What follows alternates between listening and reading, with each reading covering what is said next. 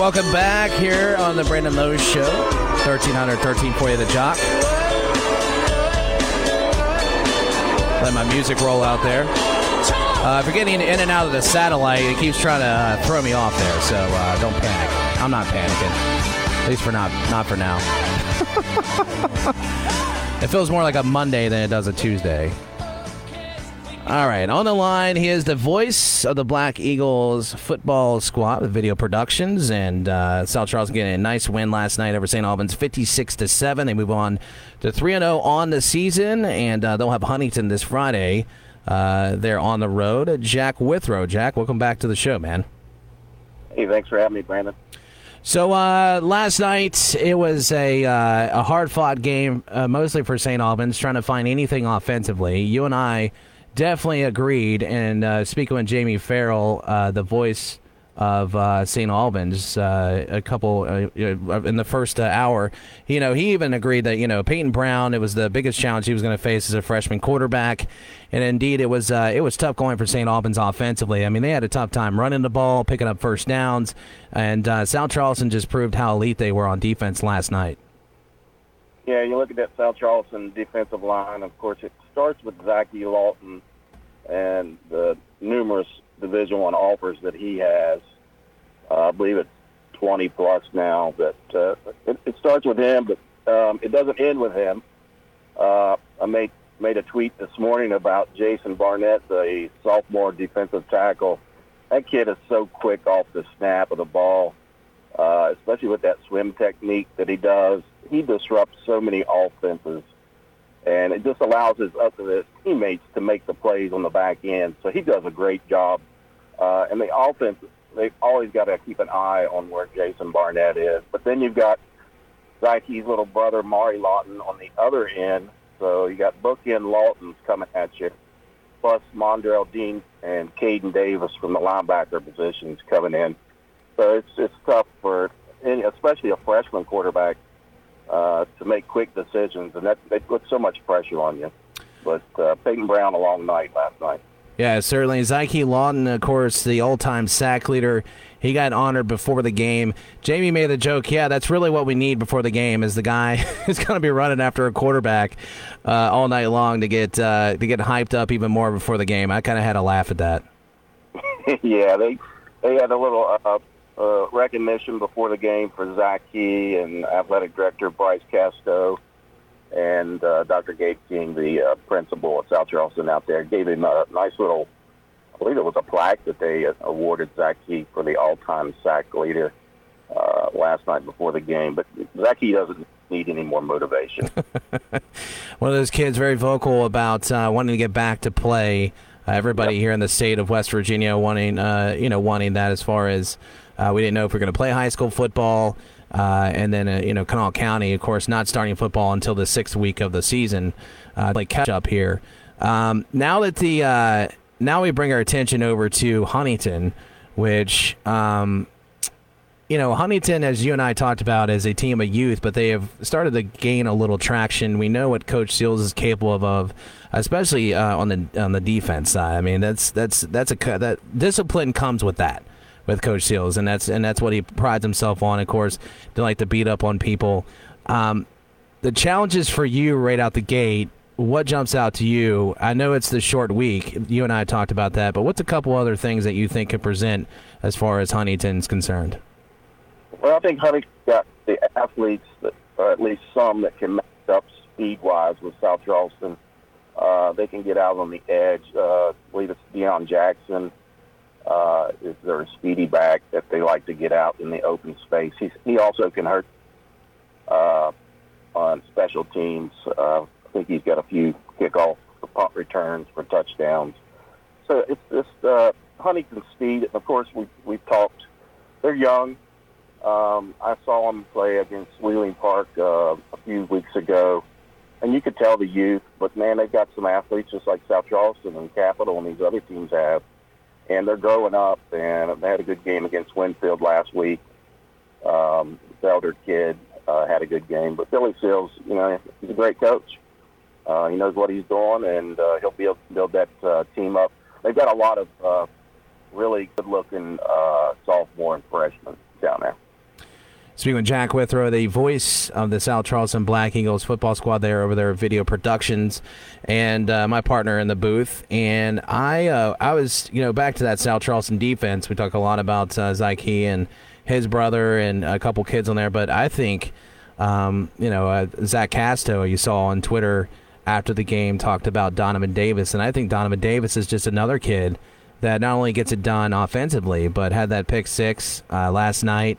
Um, I think that's the biggest thing as you look at these kids on both sides of the football that I pointed out. They're not just making plays on offense; they're really giving some effort on defense, and the awareness of their secondary is is really good. Yeah, Donovan made one that's been there uh, for four years. He's put the work in. He's taken the lumps, uh, but he's grown up, and now he's the leader, and uh, or one of the leaders, and he's he's really stepped up. Of course, he had four uh, touchdown catches there against George Washington. Uh, another touchdown grab last night, and then he had the pick six uh, last night as well. He's just uh, he's everywhere, all over the field in that defensive backfield, and uh, does a great job. And uh, I believe the other D backs just feed off of his energy. And a couple of weeks ago, I was at their practice, and they were running 100 yard sprints, and the first one up and down the field was Donovan Davis and Coach May said, right there's your leader, boys. And uh, he is the leader on that defense. With that win last night, Donnie Mays moves up a tie for yep. third for the most wins at South Charleston High School. Um, that's uh, it's just another uh, you know feather in the cap for uh, Coach Mays because you know he gets his win over Capital. That was the first win for him this year uh, as a head coach over Capital, and here he is uh, moving his way up the ladder as far as the wins. Old time there at South Charleston. Yeah, tied for third now with William Weber, who back in 1940, I think in 44 to 59. I'm not sure, but he's got uh, the head of state title in 45 with Coach Weber, so he's tied with him now. And the other two above him is, uh, of course, uh, Coach Messenger, and then now uh, athletic director uh, Coach Casto, Bryce Casto. So he's got his eyes on Bryce Casto's uh, winning a record right now, which he's got a he's got a ways to go.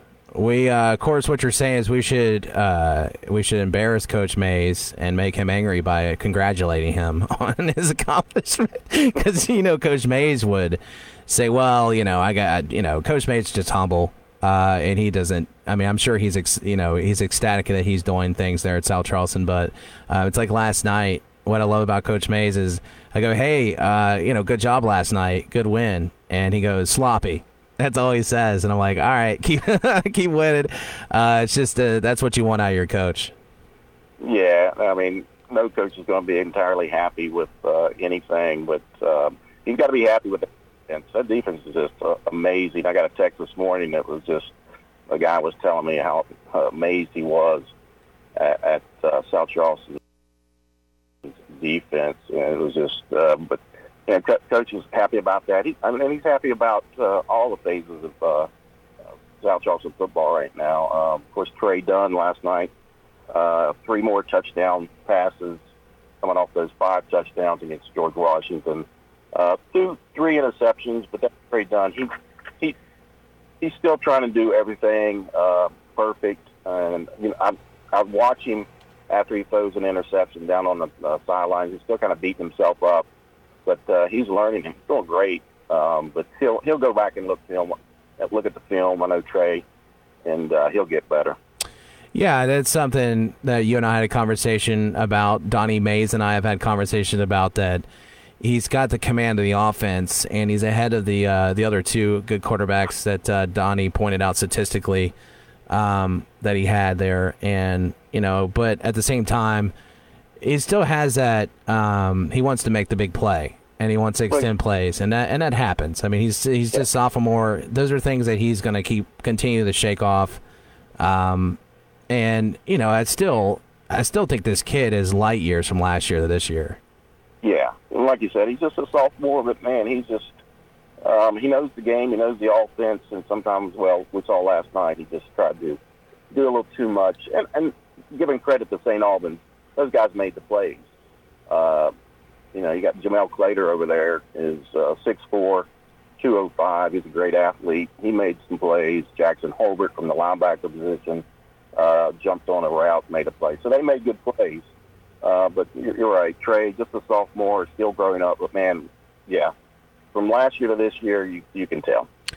He uh, efficient last uh, last night. That's what I liked about him was they didn't really have to rely all on the passing game, and that running game is uh, you know just as impressive. And you know, Mondrell Dean made some plays. You talk about a kid that can run the ball and make some plays on defense too. Had a big hit on Peyton Brown, which glad to see Brown get up after that. But man, they were just laying some people out and, and really just flying around the ball. And I think that also is a huge part of that defense and, and the most impressive part as well of that defense.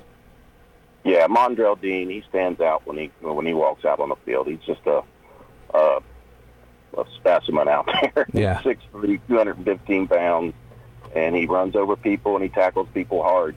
Uh, but in the, you talk about the running game, he uh, Dean with ten carries, eighty eight yards and a touchdown. But then we saw you Shiley Kenny out of the backfield last night. Uh, he had seven carries, eighty six yards and two touchdowns, and then he had two receiving touchdowns as well. And of course, he was our player of the game last night. That was Shiley Kenny. Yeah, he was outstanding.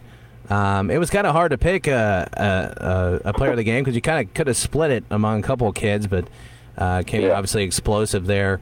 Um, well, go ahead. We, we talked about on the break uh, we could actually give it to the uh, PAT team. yeah. Uh, the kicker. Uh, yeah. That, that team, uh, Hunter. Uh, I'm sorry, uh, Hunter Burns from the. Uh, he's the long snapper, and then your holder was Ryan Flowers, and of course the kicker is Chase Edwards. They were eight of eight perfect last night. So Chase Edwards probably icing his right leg this morning. Uh, all right, so quick week there. Uh, turnaround for South Charleston. Of course, quick turnaround for St. Albans too. They'll play Saturday. They'll play Riverside, which I think is a, a winnable game there for St. Albans, and then uh, obviously a tough one there for South Charleston on the road. But I want to before I get you off the line here, uh, you got the word that Spring Valley is going to take on Bridgeport. Uh, you saw that the athletic director over at Spring Valley announcing that. That's a that's a huge matchup, uh, sort of on short notice, obviously. Um, yeah. Bridgeport, that's a long travel by the way, and Bridgeport's playing as good as anybody in Class AAA. Of course, Valley bounced back after losing to Fairmont Senior last uh, last week at Oak Hill. Didn't allow a single point there. Um, what what's your take on this matchup, man? I think I, would like Bridgeport uh, because I think the travel and I think Bridgeport's playing really well. Um, but you just never know at Spring Valley. I mean, they can come out and show you some different looks, and they may steal one on the road. Who knows? Well, Spring Valley didn't have any trouble uh, trouble traveling to Martinsburg and beating them, so. Uh, kids, uh, 17, 18 year old kids, they don't care about travel. Uh, they, uh, I think Spring Valley uh, wins this one. Uh, I think that Fairmont Senior uh, loss sort of woke some of them up, um, and they were playing mad against Oak Hill. You could tell, uh, but I think the Fairmont uh, Senior loss uh, sort of uh, kind of snapped them in the face that here, get back on track, and they look good against Oak Hill. I'm worried about the coaches more than the players here, Jack. I know they're ready to get out, but those coaches, you know, they got they're old guys. Yeah, like me. This Monday night football was is odd. I got we got done late last night. I probably got home at eleven thirty. Of course, I'm struggling this morning. I did have my victory biscuit from Susie's and coffee. So I'm just, I saw that, and uh, in true South Charleston fashion, you are. You are the uh, South Charleston ambassador. I think. I think we should we should have you as that. We should have you in the parades and everything, man. We might be able to have that. Yeah. That'd be great. All right, Jack. Appreciate your time, man, on the show as always. Always a pleasure doing South Charleston games with you. Let's see if the Black Eagles can get a victory on Friday. All right, man. Go Black Eagles.